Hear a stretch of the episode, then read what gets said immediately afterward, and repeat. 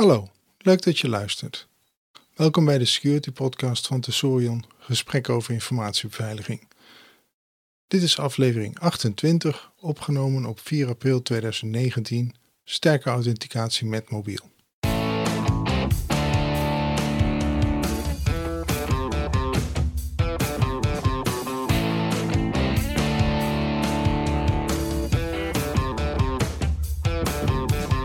In deze aflevering presentatie op de Tesorion kennissessie Mobile Security.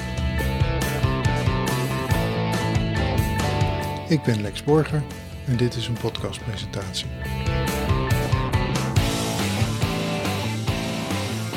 Deze aflevering laat ik een presentatie horen die ik op de Tesorion kennissessie Mobile Security op 4 april gehouden heb.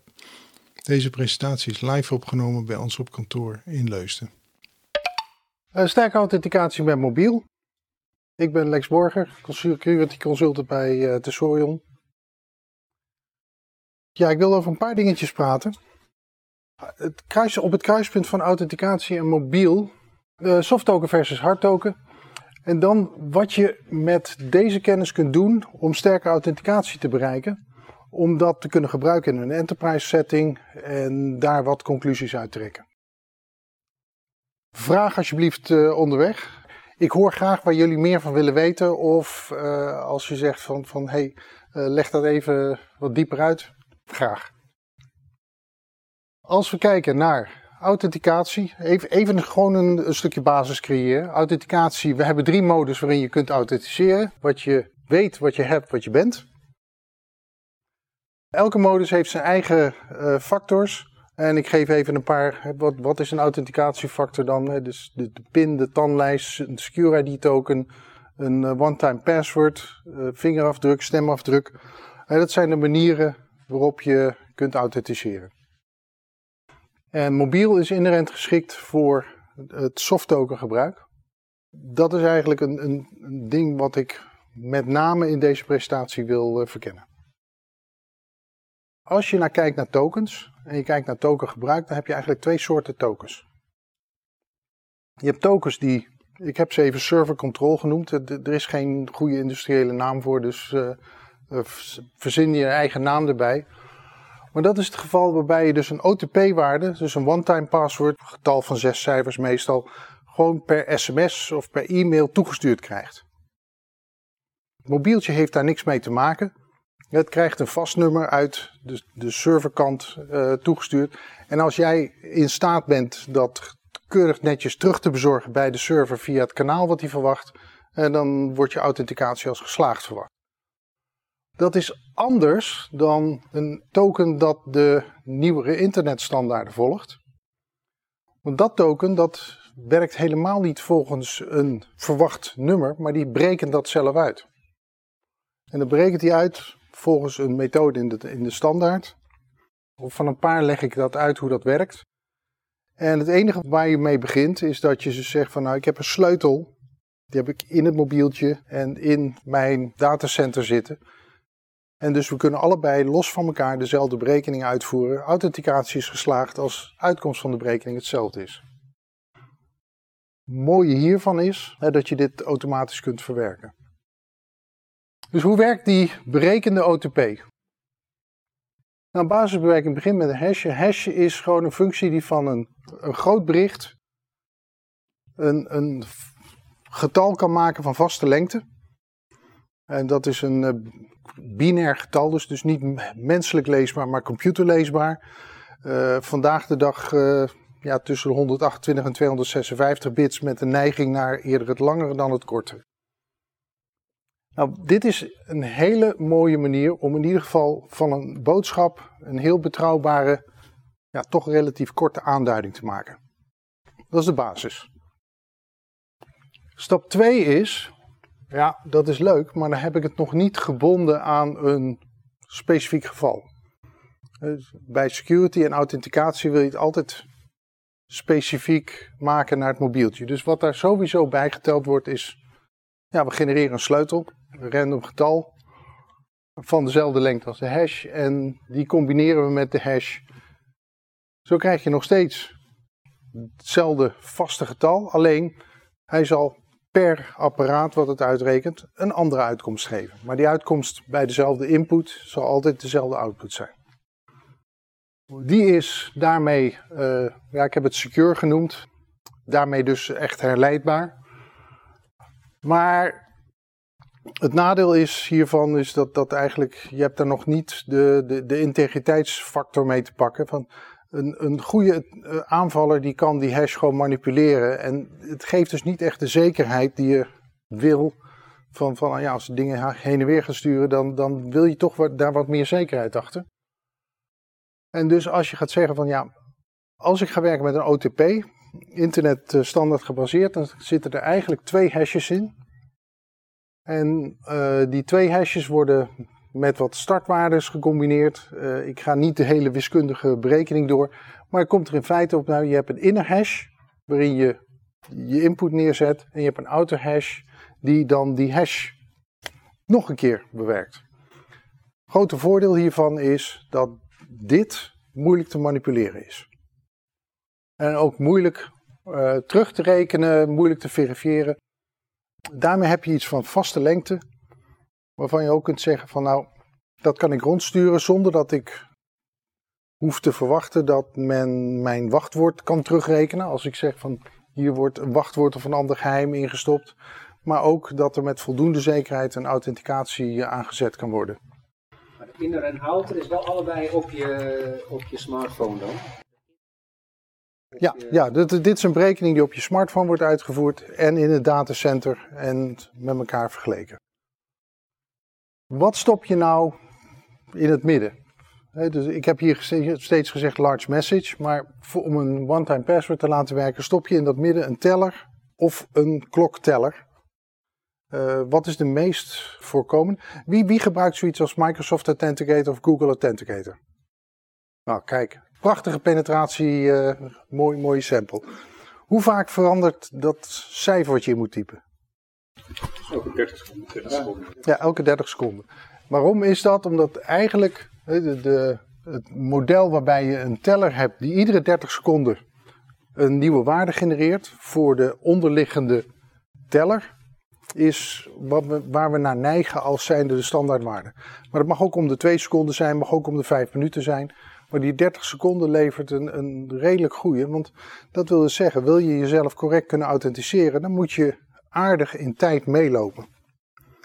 En nou was het voordat we mobieltjes hadden met een vrij goede klok, was die 30 seconden ook wel vrij lastig. Want 30 seconden op een klein handzaam apparaatje is niet hetzelfde als 30 seconden op een atoomklok.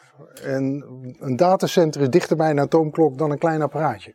Dus je kreeg daar ook een beetje dwarsverbanden bij. Dus wat je over het algemeen deed was van ja, je probeerde een beetje een match te hebben door te zeggen nou ik, ik kijk wat het mobieltje mij geeft en ik, ik reken even in het datacenter zeven verschillende uit. En als één van die zeven klopt, dan, dan stellen we de kloksnelheid bij, want dan weten we ongeveer hoeveel die achter of voor loopt. En uh, we accepteren de authenticatie. Dus nog één ander ding wat daar uh, belangrijk bij is. Ik heb het even over hashes. Ik heb al gezegd, die zijn niet makkelijk voor mensen om te lezen. Ze zijn 100, 200, laten we even uitgaan, 256 bits van een computer. Um, maar uiteindelijk uh, zijn dat, als je dat zou uitschrijven, veel te veel cijfers. En dat heb je ook niet nodig voor de beveiliging. Dus er is een, uh, een truncate functie overheen geschreven. En die truncate functie die kan het afkorten naar zes cijfers. En we lijken nou ook weer gestandardiseerd te hebben op zes cijfers, maar de standaarden voorzien in 4 tot 8 tot 12 cijfers. En dan heb je een output die uh, uh, ja, geschikt is voor de mens. Dus zo werkt dat ongeveer. Wat ik al gezegd heb, je hebt die internetstandaarden. Je noemt dat OTP. En de, de internetstandaarden die nou zijn HOTP of TOTP. De T van TOTP staat op time-based uh, one-time password. De H in HOTP is eigenlijk gewoon teller gebaseerd, maar de H staat voor hash. Hij was er eerder, dus hij zei gewoon hash-based one-time password. Dat laatste, want er is natuurlijk nog een probleem in het vorige voorbeeld. Als je de ja. truncator erop laat, dan is het collisiegevaar natuurlijk veel groter. Je collisiongevaar is veel groter. Uh, die is, uh, als je bij zes cijfers werkt, is die 1 op een miljoen. En dat is, dat is het risico wat je uh, neemt. het is wel zo, van, ik heb daar eens een keer naar gekeken, van wat zeggen die standaarden erover. Want de standaarden, zei ik al, die, die laten dat open. Als je dit gebruikt in een meerfactor, hè, daar komen we zo meteen op, als je dit gebruikt in een meerfactor context, dan is het gebruik van zes cijfers uh, levert een, een bepaalde zekerheid op die toch wel weer jaren duurt voordat je een collision zou vinden. En ja, theoretisch, daar komt de theorie en de pragmatisme van de praktijk uh, bij elkaar. Van hoe makkelijk is het om zes cijfers in te typen, hoe moeilijk is het om dat langer te maken en hoe, uh, hoezeer is jouw acceptatie dat iemand eigenlijk toevallig een collision krijgt. Eigenlijk uh, maar, maar, wel de verkeerde partij. Want dit gaat door degene die het inricht. En het risico wordt uiteindelijk gelopen door, het, door de gebruiker. Ja, eigenlijk door beide. Want, want er, is een, er wordt een vertrouwensband uitgesproken. En als je naar de context van die vertrouwensband kijkt, moet je dat uh, bekijken. Ja, het is natuurlijk wel zo. Het is maar 30 seconden of zo geldig. Uh, en het is altijd ja. een combinatie met een tweede. Dit is per definitie de tweede factor. Uh, dus dat maakt natuurlijk. Het lijstje wordt, wat, wordt wat kleiner. Dus, dus ja. Het is meer een theoretische discussie dan een, dan een praktisch probleem. Maar ze komen voor. het hangt denk ik gewoon af van de toepassing. Een birthday match is vervelend als je een vaste tekst hebt met, uh, met een, die gesigneerd is, die lange tijd ergens uh, blijft leven. In dit geval, omdat het zo mm. tijdgebonden is, ja. uh, is het risico. Ja, jij, noemt, jij noemt birthday match. Dat is de, het, het, gegeven dat het heel makkelijk is. En dat is niet de vaste tekst, dat is een variabele tekst. Um, even kijken, met hoeveel we hier ongeveer? Ja, dat mensen op dezelfde dag. Ja, ja, het is, ja, ik wou zeggen, het is, maar het is te moeilijk om na te gaan of, of er inderdaad twee mensen zijn die op dezelfde dag jarig zijn. Maar met de grote groep die we hier hebben. Ah, jullie zijn tweeling. ja, ja. In, in het hele authenticatieland, en zeker met de biometrie, zijn tweelingen al een stuk vervelender. Jullie lijken niet één-eiig te zijn. Maar uh, over het algemeen, het, het birthday attack gaat erom dat als jij even 27 mensen uit mijn hoofd zet, dan heb je in de groep meer dan 50% kans dat er twee mensen zijn met dezelfde verjaardag. En dan niet tweeling zijn. Jullie tellen als één in deze telling. Um, dat, dat is een hele interessante. Maar dat is een vrij moeilijke om voor een hacker om aanvallen op te doen. Want A, je moet maar even weten welke twee. En B, dan moet je daar ook misbruik van kunnen maken. Je kunt in de cryptografie kun je gebruik van maken in de hashfunctie. Want je zou, als je heel veel hashfuncties bekijkt, zou je dus ook twee heel verschillende berichten kunnen hebben die dezelfde hash opleveren. En in die zin zou je dus ook inderdaad twee tokens kunnen hebben. Die kans is veel groter, want dat is 1 op een miljoen. Dus je zou in een collectie van duizend tokens, als ik het even dan uh, goed uit mijn hoofd reken, want dat is een wortel van een miljoen, zou je dan meer dan 50% kans op twee tokens die op dat moment hetzelfde cijfer aangeven. Nou, op duizend tokens. En dan moet je nog eens de andere factor op dat moment juist hebben. Nou, ja. Dat is even de vraag van, accepteer je dat ja. als risico? En als je dat aan gemiddelde gebruikers gaat vragen die verder geen security opleiding hebben. Uh, dat, kijk, ik, ik verbaas me altijd over mensen die denken dat ze kans hebben om de loterij te winnen. Uh, ik, ik win iedere trekking om mijn eigen geld terug.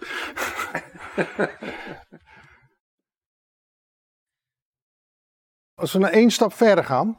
Ik heb nou gezegd van oké, okay, we, we kijken naar de theorie van een one-time token. En we zeggen van dat gaan we toepassen op een mobieltje. Dan ga ik even zeggen, oké, mobieltje is een software token.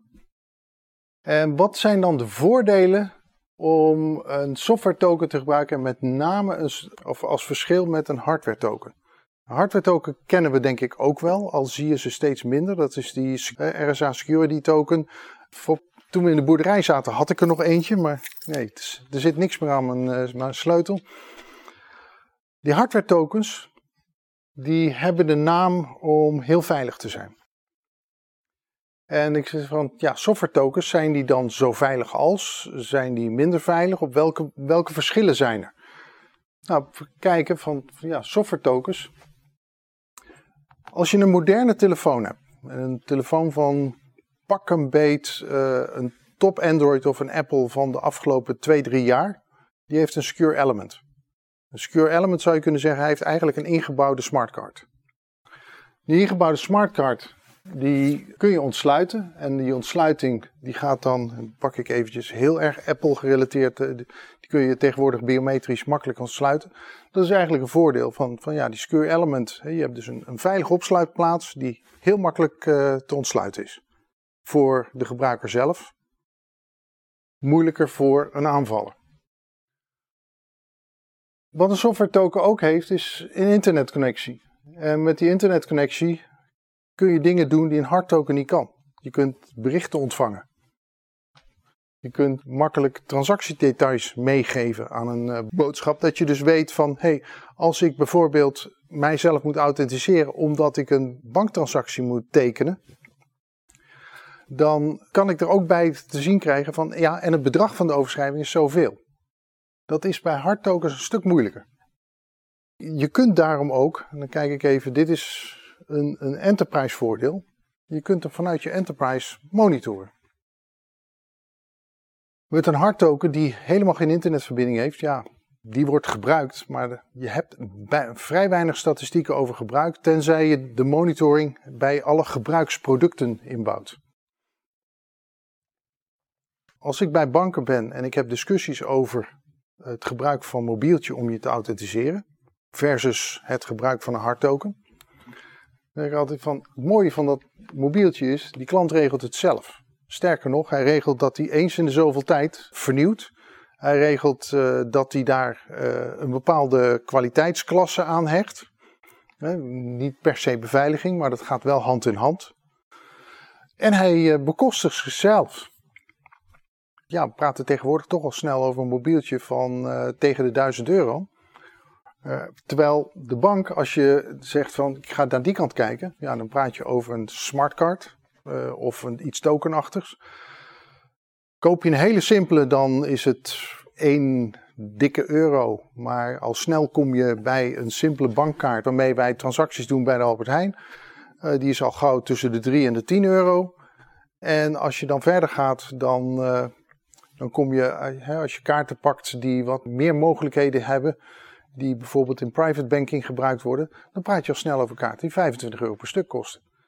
Tel dat op en een behoorlijke kostenpost voor de bank. Ook omdat er een vervanging achter zit, die ook weer eigenlijk meestal gratis vervanging bij verlies of kapot gaan. Twee van de grootbanken in Nederland, ABN AMRO, of, ja, ABN AMRO en Rabo, die hebben dus een random reader. Wat in feite een, niet per se het token zelf is, maar wel een vertaalapparaat voor token, je bankkaart, naar jouw leesbare cijfers. En ja, zo'n apparaat, daarvan weten we dat die gaat ongeveer vier jaar mee. Nou, als die vier jaar meegaat, eh, dat betekent dus dat je ieder jaar een kwart van het uitstaande aantal uh, random readers moet vervangen. A, een tientje per stuk. Met alle logistiek. Dat is niet de productiekosten, maar dat is de productie uh, magazijnkosten, afhandelingskosten of voor een uh, supplier om dat allemaal per post af te handelen. En dan heb je het heel efficiënt gedaan voor dat tientje. Als we dan gaan kijken naar nadelen van een software token. Het is niet allemaal uh, voordelen. nadelen is. Ja, dat secure element, dat is wel iets wat specifiek gebruikt moet worden. Daar moet je naar coderen als software developer. En dat is niet simpel. Dit moet je op de goede manier doen. En daar gaan we straks uh, wel meer naar kijken. En theoretisch is die minder sterk dan een hardtoken. Waarom? Omdat dat mobieltje voor heel veel meer gebruikt wordt. We, we, hebben geen enkel geval wat ons bekend is van een malwarebesmetting op een hardtoken. Maar malwarebesmetting op een mobieltje, ja, daar kun je incidenten van vinden. En het mobieltje wordt dus multifunctioneel gebruikt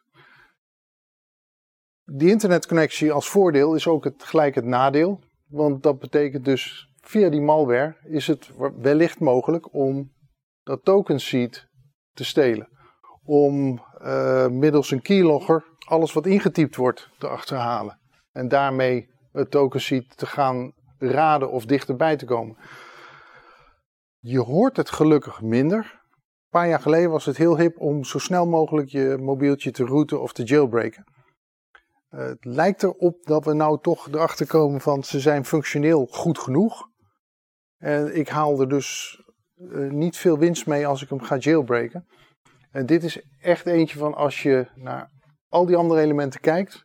Een jailbroken telefoon is nooit zo veilig als een telefoon die nog in de walled garden zit. Ja, die risico's die er staan, die, die zie je vaak. Maar Ja. Waar komt het nou in de praktijk echt voor?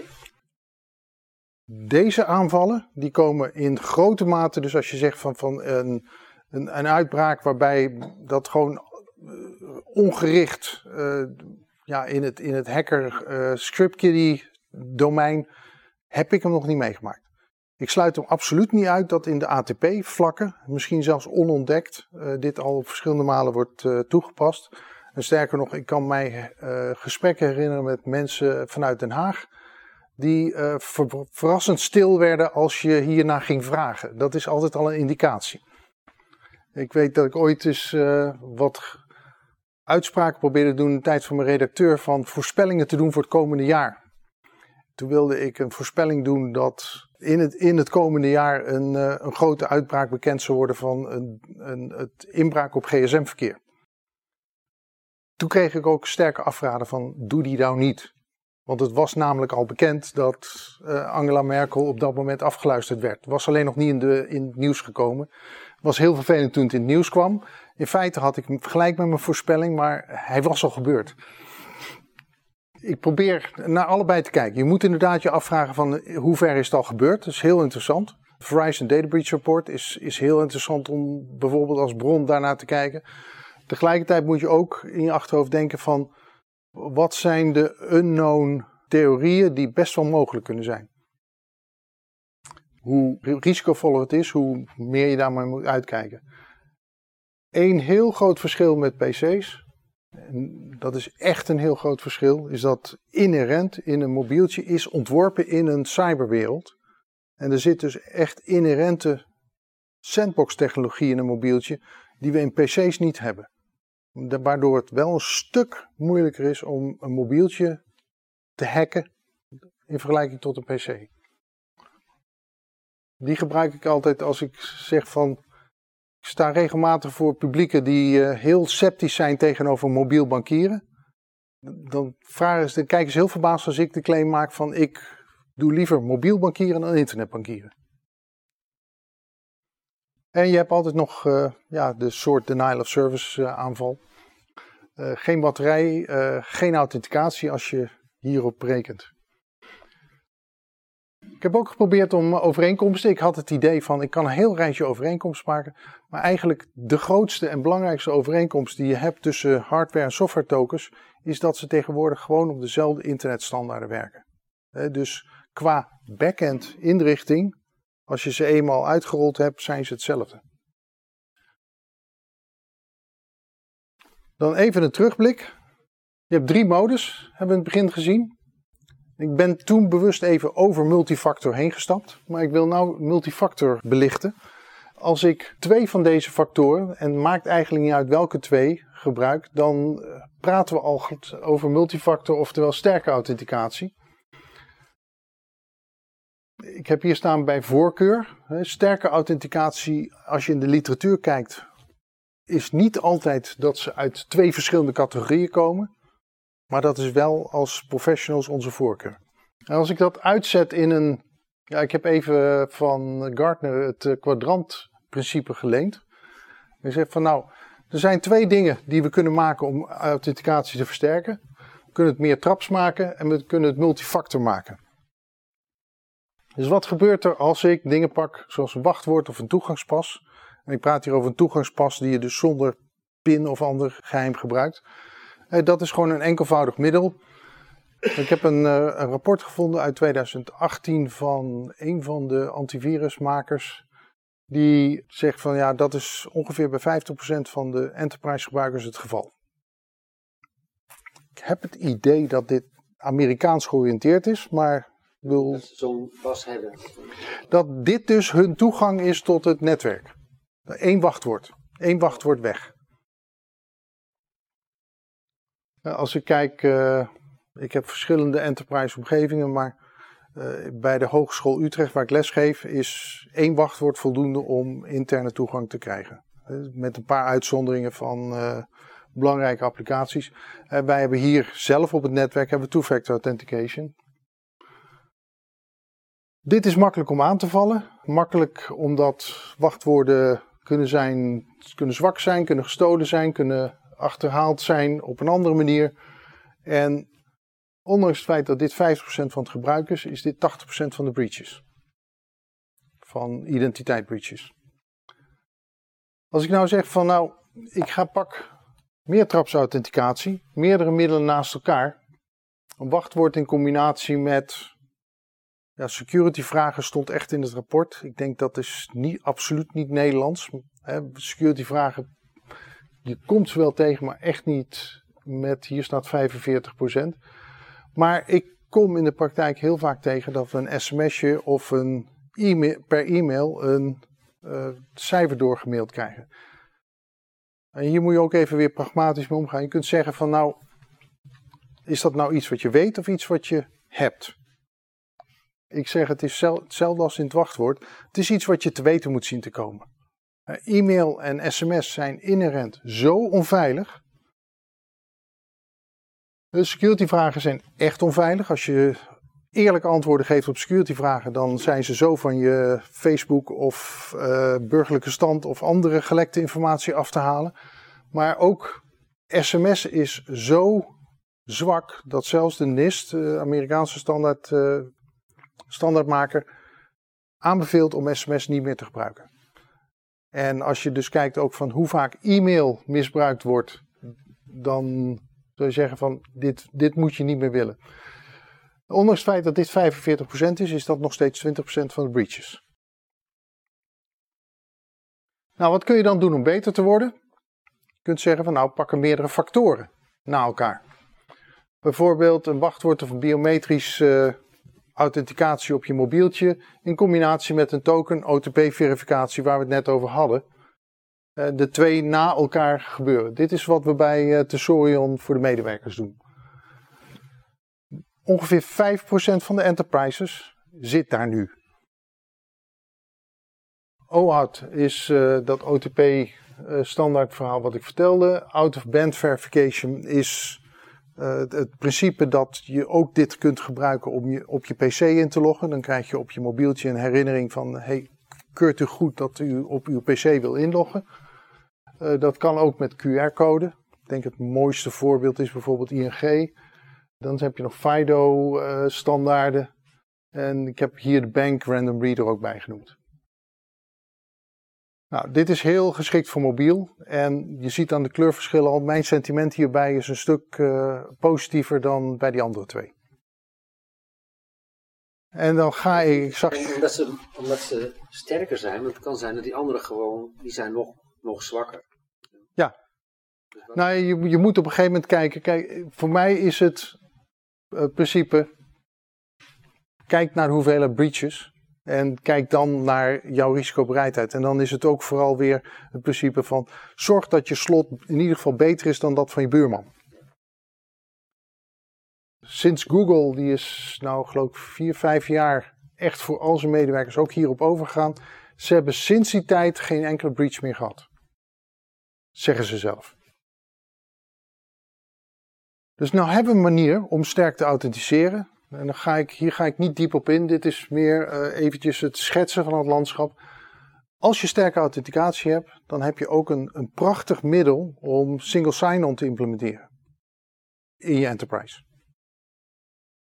Daarvoor heb je wat andere protocollen nodig, uh, die ik even niet uit ga leggen, uh, gezien gewoon de, de tijd en de scope die sterke authenticatie waar we net over hadden, die overal werkt, is daarbij eh, noodzakelijk. En dan krijg je dus van, ja, maar wie moet dan die authenticiteit leveren? Dat, dat is nog wel even een gedachte waar ik stil bij wil blijven staan. Wat we in de praktijk zien, ja, er zijn twee overheden in Europa die eigenlijk hun burgers een pleziertje doen door een vrij sterk elektronisch ID te geven aan alle burgers. Dat is eh, België en Estland. Wij hebben, als we even kijken naar de Nederlandse situatie, hebben we DigiD. Niet zo sterk. Het is eigenlijk uh, user ID wachtwoord. En je kunt dat iets sterker maken met uh, DigiD app, maar uh, onderliggend, zolang user ID wachtwoord toegestaan wordt, pak ik altijd, dat is het onderste niveau. De banken. De banken moeten toch al goed weten wie we zijn. Dus ja, we kunnen in Nederland IDIN daarvoor gebruiken. In België It's Me is een combinatie van wat de banken doen en de EID in België. Dus die is daarmee wat sterker. Wat je in de praktijk ziet is ook dat social media giganten, Facebook, Google, Microsoft, dit leveren. Ah, daar kun je wat van vinden. Die laatste is een, een dubbelspeler. Die doet dat voor het civiele domein, dus de burgerdomein. Maar ze doen het ook uh, als enterprise dienst. Dus je kunt zeggen van ja, maar ik wil dit regelen in mijn eigen enterprise. Ja, dan kun je het nog zelfs inkopen via diezelfde Microsoft. Je zit wel met een probleem. Want als je dus zegt van nou, ik ga op voor mijn klanten toestaan dat ze inloggen met Facebook. Hoe weet je dat de klant die net ingelogd heeft ook de klant is die jij denkt te hebben? Dat is een hele moeilijke. Van, er komt iemand aan en die zegt van, nou, ik kan wel inloggen met Facebook. Ja, um, ja ik kan daarna zeggen van, oké, ik koppel dit Facebook-account aan deze klant, maar is die dat wel? Hoezeer weten wij dat een, een naam op een Facebook-account uh, klopt? En hoe ga je ermee om als de klant ineens zegt van, ja, ik, ik heb geen toegang meer tot mijn Facebook? Dit is nog steeds een hele mooie aanvalsfactor. Even buitenscope van mijn presentatie, maar wel aandachtspunten. Hier waren we gebleven met invullen van het kwadrant. En anders dan het Gartner kwadrant kwam ik erbij dat ja, we hebben deze weg nou gelopen. Maar waar zit de sterkste? Die zit daar.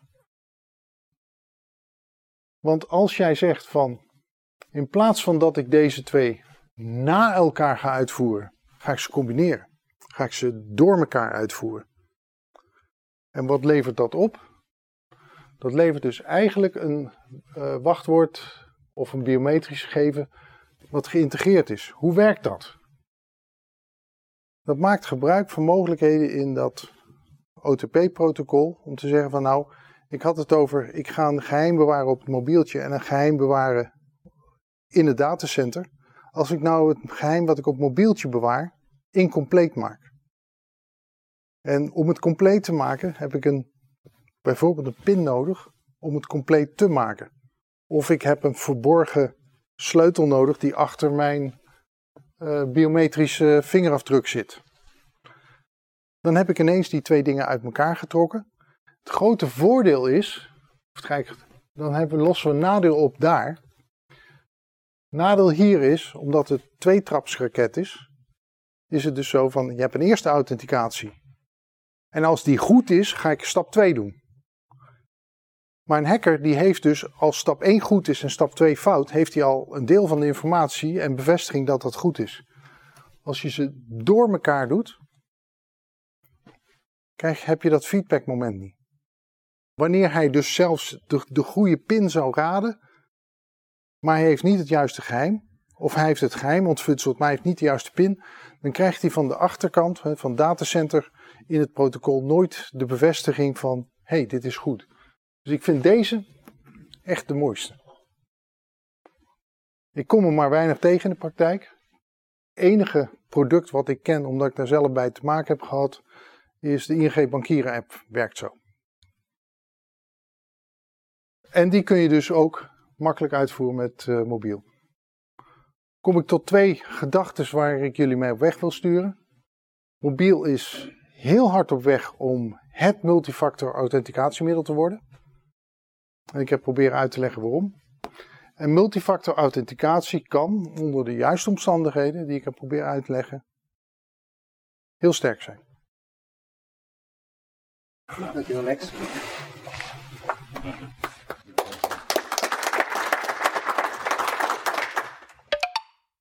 Deze aflevering zit er weer op. Ik wil graag jou, de luisteraar, bedanken dat je de podcast beluisterd hebt. Mocht je willen reageren naar aanleiding van deze aflevering, stuur mij dan een bericht. Mijn Twitter-handle is @lexborg. Ik ben security consultant bij Tesorion. Onze website is www.tesorion.nl. Deze podcast komt eens in de twee weken uit.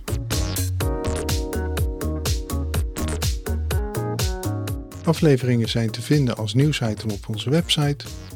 Je kunt je abonneren op de podcast via de feedlink https www.i2i.nl feed podcast. En dan sluit ik hierbij af. Tot de volgende keer.